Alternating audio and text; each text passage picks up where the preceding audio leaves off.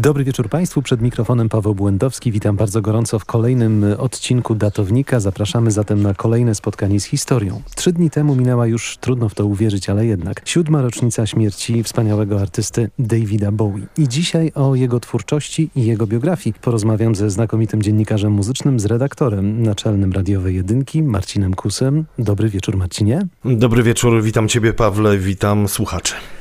Powiedz mi na początku, zanim poruszymy temat twórczości Bowiego, jak wyglądało Twoje wtajemniczenie w jego muzykę? To przypadło na taki okres, y, powiedzmy sobie, jak y, są y, jacyś ludzie, którzy się habilitują z Davida Bowiego, to, to powiedzą, że to jest najmniej istotny okres jego działalności. To były lata 80. i to był absolutny boom, jeśli chodzi o piosenkę Let's Dance, China Girl Tonight i y, Modern Love i tak mógłbym jeszcze dużo wymieniać. To wszystko stało się, zdaje się, dzięki przebojom dwójki, czyli telewizyjnej dwójki wtedy mhm. I, i tych obrazków, bo tych klipów wtedy było całkiem, całkiem dużo i zwrócił uwagę moją David Bowie swoją plastycznością, swoim tembrem głosu y, i tym, jak zręcznie poruszał się w poszczególnych stylach i, i, i gatunkach, bo tu było coś rockowego. Tutaj y, była taka piosenka Day In, Day Out, to, to, to z późniejszego okresu, ale też... Never Let Me Down, tak jest. Tak, tak. I, i, i, I to wszystko narysowało mi postać, która mnie absolutnie zafascynowała i wciągnęła. Oczywiście było takich artystów bez liku, bo ja tak dryfowałem między, yy, śmieję się, Antraxem i Slayerem, a, a Bowie Mewtwo, a potem jeszcze i mhm. Roxette wchodziło. Ale ten David Bowie mi gdzieś z tyłu głowy został. No później upłynęło trochę wody w Wiśle, zanim zająłem się nim tak na poważnie, to znaczy wciągnęła mnie i ta mm, ciekawość jego w ogóle natury jako człowieka, człowieka, który e, w e, jakimś kontraście, czy też w opozycji do społeczeństwa starał się być jakąś awangardą. Wątek samotności w jego tekstach, który mnie zawsze bardzo poruszał i który szalenie mnie zainteresował, ale także pewnej odrębności artystycznej. No to, to, to później się stało. Ale początek to był bardzo błahy. Po prostu to były wielkie przeboje, które wpadały w ucho i, i po prostu mi się podobały. Rzeczywiście, Marcinie, tak jak powiedziałeś, ten okres lat 80., kiedy między Między innymi David Bowie współpracował z Nilem Rodgersem. To był ten najbardziej przebojowy, najbardziej mainstreamowy okres jego działalności, ale przypominam sobie taki film bodajże w produkcji BBC, gdzie zapytano wielu znanych artystów pod koniec lat 70., to był bodajże rok 79, kogo uważają za najważniejszą postać lat 70. Kto był kimś takim jak Beatlesi dla lat 60. I między innymi Andy Summers z grupy The Police i chyba Bob Geldof powiedział bez zastanowienia. Oczywiście, że David Bowie, nawet jeśli nie był na pierwszych stronach gazet, czy no nie był artystą tak popularnym jak, nie wiem, Abba, to jednak ten wpływ był bardzo silnie wyczuwalny. Później minęło 50 lat i teraz chyba ten obraz jest jeszcze bardziej jaskrawy. Obraz tego, jak bardzo inspirował. To jest w ogóle postać, y, do której, biorąc pod uwagę w ogóle popkulturę jako całość mhm. zjawisk kulturowych, e, to to jest postać, do której można się odwoływać e, w rozmaitych kontekstach. W kontekście socjologicznym, w kontekście artystycznym oczywiście, ale także jeśli mówimy o pewnym wyprzedzaniu swojej epoki, o odwadze w przekazywaniu swoich myśli artystycznych, to myślę, że David Bowie jest taką postacią zdecydowanie, przepraszam za sformułowanie, przykrywającą niektóre, powiedzmy sobie, przereklamowane zjawiska, choćby z lat 70., 80. Mamy to szczęście, że możemy patrzeć, szczęście w nieszczęściu, bo go już nie ma z nami, ale mamy tak. to szczęście, że patrzymy już y, na pewien koncept, na pewną całość y, jego kariery i tego, w jaki sposób kreował najpierw swoich alter ego, a tak naprawdę po wszystkich Starmenach, Ziggy Stardustach, Natana mm. Hadlerach czy, czy, czy Finn White Duke'ach tak. Przyszedł Bowie na płycie Black Star, który po prostu powiedział nam, e, oto jest David Bowie, tak naprawdę wyglądam. E, natomiast e, to spojrzenie na całość, no myślę, że nie starczyłoby datownika, albo nawet dwóch, gdybyśmy chcieli rozbierać na czynniki pierwsze jego twórczość. Natomiast niewątpliwie miał niesłychany zmysł i do pięknych melodii, i do tego, w jaki sposób konstruować piosenki i teksty, ale miał też zmysł i mówię o tym absolutnie otwarcie, on też o tym mówił, do doboru y, znakomitych muzyków, producentów. Y, można wymienić y, no, tego pierwszego, który miał duży wpływ na brzmienie, to jeszcze powiedzmy sobie glam rockowe, czyli Mika Ronsona, mm -hmm. Tony Visconti, tak oczywiście Brian Eno, o którym David Bowie mówił, czy też żartował, że właściwie co Brian Eno robi przy moich płytach? No właściwie nic, ale wychodzi mu to tak świetnie. Ale jest. I, tak. i, ale jest. Wspomniałeś o Nilu Rogersie. No to znany jest ten, ten, ten wątek, kiedy Rogers trochę podśmiewując się opowiada o tym, jak powstaje Let's Dance. Tak. E, kiedy jeszcze to, do, dopiero się poznawali i Bowie zagrał mu dwa akordy i Na mówi, słuchaj, to będzie, tak, to będzie wielki przebój. A Rogers się roześmiał mówi, stary, naprawdę? No i dopiero później cała ta historia. Natomiast chcę powiedzieć, że Bowie nie, mm, nie wstydził się tego, że te pomysły jego były proste, że one wychodziły właśnie, on się śmiał ze swojego grania na gitarze, z tego, że, że gram tak jak gram i nic już nie zrobię w tej sprawie, ale to mm. mi mhm. wystarcza, żeby, żeby nadać pewnych kolorów i jakiś koncept wymyślić. No, y, słowem, y, to jest też człowiek, który pokazał, y, jak muzyka rockowa może być ważna, jakie tematy może poruszać i wcale nie są to tematy polityczne czy kontrkulturowe, ale tematy dotyczące samego człowieka, jego natury. Jak wspomniałem, ten wątek samotności on się bardzo często mm, przewija. Szczególnie w tych płytach berlińskich, prawda? Na przykład Love. Tak, tak, tak, ale nie tylko, ale to, wiesz, jak słucham dzisiaj y, płyty Outside, to y, szczerze mówiąc, y, no to, to są, to, to jeszcze jest ten walor profetyczny w jego przypadku, mm -hmm. bo to jest ni mniej, ni więcej, tylko jakaś kronika tego ponurego czasu, który mniej więcej od 2020 roku y, tutaj na tej ziemi przeżywamy, bo ten wątek pandemiczny, przypomnę, na tym outside też jest. Tak. I, I szereg takich rzeczy, zjawisk, które on tak zręcznie dostrzegał. Śmiał się trochę przy outside, pamiętam, że to była taka, mm, taka forma pisania trochę jak William Burroughs, czyli tak zwany zwana literatura siekana. Tak, Trochę takiego wersu, który wycinamy tekstu. sobie mhm. pewne fragmenty i później mieszamy. On nawet się śmiał, że, że, że jego Macintosh wysłużony też miał tutaj swój udział, bo w komputerze zręczniej było to robić. Niemniej tak. no, na wielu polach y, był niewątpliwie pionierem. To są koncept albumy, które przecież y, do tej pory, mówię do czasu ukazania się Diamond Dogs, były raczej domeną muzyków, którzy tworzyli długie formy, progresywne, art symfoniczne, symfoniczne i tak dalej.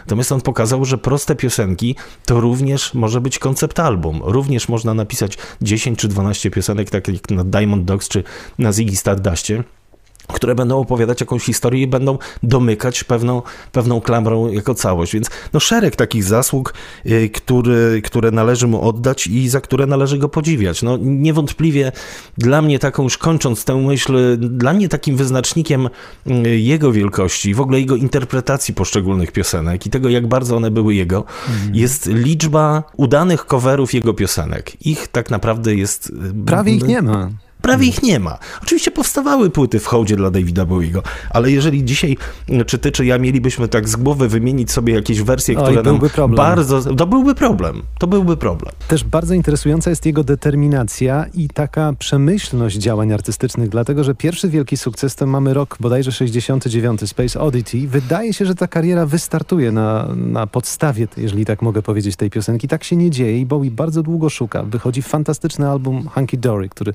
nie niestety w zasadzie przechodzi bez echa i później jest ten pomysł Ziggy'ego Stardusta, a później są bardzo odważne uśmiercania tych alterego. To też jest niezwykła odwaga u szczytu popularności powiedzieć kończę z Ziggim, będę teraz innym artystą. Wiesz, y, tu mm, Bowie za każdym razem odcinał się. Już w latach 90. to, co on opowiadał w wywiadach, to w ogóle nie chciał mieć nic wspólnego ani z księciem, ani z Ziggim Stardustem. Powiedział, że to były po prostu jakieś twory, które wówczas y, były jakąś koncepcją artystyczną, ale nic w tym nie znajduje obecnie dla, dla siebie i w żaden sposób tego nie można powiązać. Masz rację, to jest odwaga, to jest odwaga tej zmiany. Oczywiście ja nie, nie do końca lubię to określenie kameleon rocka. Ono jest krzywdzące jego Ono jest krzywdzące, absolutnie jest, jest, jest spłaszczające właściwie i sprowadzające go do człowieka, który zmieniał marynarkę i za chwilę stawał się kimś innym, podczas mm. gdy absolutnie to chodzi o pewne walory, wartości artystyczne, on szukał zdecydowanie głębiej. Mówił wprost, jak mam siebie zanudzić, mam zrobić coś pod publiczkę, to nie szanuję ani siebie, ani publiczności. No to, to, to była jego dewiza i, i to słychać na tych jego płytach, niezależnie czy weźmiemy tę twórczość mniej udaną, bardziej udaną z lat 90., czy jak powiedziałeś, te płyty niezrozumiane, tak jak The Man Who Sold the World, czy, czy wspomniane do doskonałe Hanky Dory i, i, i też stawiało go to w takim momencie, kim ja jestem i z czym ja tak mhm. naprawdę wychodzę. Jestem artystą nie do końca zrozumianym. Proszę zauważyć, że ten początek lat 70. to był jeszcze swoisty miszmasz. Bardzo mocno siedzieli stąsi w takiej koncepcji absolutnego dzikiego dziecka rock'n'rolla. Tak, jest złoty odchodzili. Okres złoty mhm. okres. Cepelini wchodzili, wchodził hard rock, no i oczywiście Wielka Brytania zachwycona była Markiem Bolanem i w ogóle Slade'ami. T-Rex Mania. Tak. T-Rex Mania. Y, dzisiaj warto o tym wspomnieć, że Mark Bolan dzisiaj praktycznie zapomniany, to był facet, który bił rekordy, jeśli chodzi o umieszczanie swoich utworów na y, szczycie list przebojów. I w takim świecie e, przychodzi człowiek, który chce nam powiedzieć nieco więcej, ale bardzo zręcznie i on to zauważył. Między innymi myślę, że Ronson i, i spotkanie w ogóle z y, Mod the Hoople i tak dalej, z tymi zespołami grzecznymi z kolei chłopcami mm -hmm. rock'n'rolla, ono pokazało, że bardzo zręcznie może jednak wykorzystać pewien koncept artystyczny, który przyjął się w Wielkiej Brytanii, po to, żeby wykorzystać to, żeby powiedzieć coś od siebie. Stąd ten glam, myślę, bo nie była to chyba jego ulubiona stylistyka, y, co później, pokazały późniejsze płyty. Zresztą zawsze coś dodawał mimo wszystko od siebie, sporo tych gitar akustycznych, tego saksofonu i tak dalej. Natomiast y, y, potrafił bardzo mocno dobrze wyczuć i dla siebie zaabsorbować pewien, pewien styl, żeby powiedzieć coś bardzo osobistego. No tak to widzę. No a potem, a potem odwaga, to co powiedziałeś, odcięcia się. To był ten wyjazd do Berlina między innymi, ale takich, mm, takich mm, momentów przełomowych, odcięcia się było od pewnej koncepcji było bardzo wiele w jego przypadku. Doskonałym przykładem także cały koncept albumu Young Americans, tak? gdzie on też wiele ryzykował, bo nagle zaczął flirtować z amerykańskim soulem. On sam mówi, że to jest bardzo plastikowy soul, ale jednak płyta broni się po latach. Oczywiście, bardzo lubię ten album. W ogóle zauważyłem ostatnio, że wracam do płyt, które, które w przypadku Bowiego są gdzieś tam odsądzone od czci i wiary i prawdę mówiąc bardzo mi się podobają, tak jak właśnie Young Americans, które uważane jest za nieco, tak jak powiedziałeś, plastikowe, że to był taki skok w boki. Tak ale dalej. numer jeden w Ameryce, jeśli chodzi o single fame, ale, więc to bardzo Ale pomogło. oczywiście. Nagrany zresztą z Johnem Lennonem, jeśli mnie pamięć nie, nie, nie, tak nie myli. I, i, I to był też Bowie, który no, pokazał się z zupełnie innej strony. Zresztą tych zainteresowań innymi stylami też miał mnóstwo. Natomiast y, muszę powiedzieć też o, o takim momencie, Young Americans było tuż przed y, Station to Station. Tak. I, mm, i, I proszę zauważyć, jak te dwie płyty obok siebie, kiedy je zestawimy, to jest w zasadzie można powiedzieć, że to są lata świetlne, jeśli chodzi o podejście do muzyki, jeśli chodzi o koncept, jeśli chodzi o w ogóle wypowiedź artystyczną. I, i nie krzywdząc oczywiście ani jednego, ani drugiego albumu, ja mówię to w absolutnych tak, ale tylko kilkanaście miesięcy różnicy. Prawda? Kilkanaście między... miesięcy różnicy pobytu w Stanach Zjednoczonych. Y, co tu dużo mówić, no on przyznawał, że niewiele pamięta z sesji do Był Station raczej na dnie, tak to był jego bardzo mroczny okres, a jednocześnie no, no, no, nawet jak teraz myślę sobie o, to, o tym, jak wyśpiewał Wild is the Wind, no to, to, to mam mm. ciary w tej chwili, przepraszam też za kolokwializm taki, ale no to są y, rzeczy, czy Station to Station, które rozpoczyna płytę, no to są rzeczy po prostu mm, no dzisiaj absolutnie ponadczasowe i, i, i też wracam do tego albumu bardzo często, chociaż aura, która jemu towarzyszyła, no była w przypadku Bowiego bardzo mroczna. Y, jest też płyta Blackster, o której już y, wspomniałem, wspomniałeś, płyta niezwykle poruszająca. Mówisz, że to Bowie jako David Bowie, że to już nie ma żadnej maski, że on się żegna z nami. Tony Visconti w wywiadach, bo przecież on także produkował tę płytę, mówił, że to był naprawdę przypadek, że to się tak ułożyło, że płyta ukazała się w 69. urodziny Bowiego, a dwa dni później otrzymaliśmy tę straszną informację o jego śmierci, że to nie było zaplanowane, ale jednak my, fani, czujemy, że on to przewidział. Jak myślisz, jak to było? Trudno nadinterpretowywać tutaj. Myślę, że Visconti był człowiekiem niezwykle bliskim i Bowie mu szalenie ufał w mm. swoich wyborach artystycznych. Jak powiadam, y, może się narażę tym wszystkim, którzy uwielbiają Briana Ino, ale wydaje mi się, że zwłaszcza w, w tych ostatnich koncepcjach, myślę, że Tony Visconti był niezastąpionym druhem y, Bowiego i mm, absolutnie nie chciałbym podważać tych słów. Natomiast dzisiaj, niezależnie od tego, co mówi Tony Visconti, my tak czy inaczej, y, to po prostu odczytamy to jak y, swego rodzaju Tak. ostatnia, ostatnia jakaś taka odezwa do nas, jako pewien testament artystyczny. No ja sobie, być może ktoś powie, że y, redaktor Kusy nadinterpretowuje sobie po swojemu, ale taka też moja rola dziennikarza i publicysty, że mogę to powiedzieć.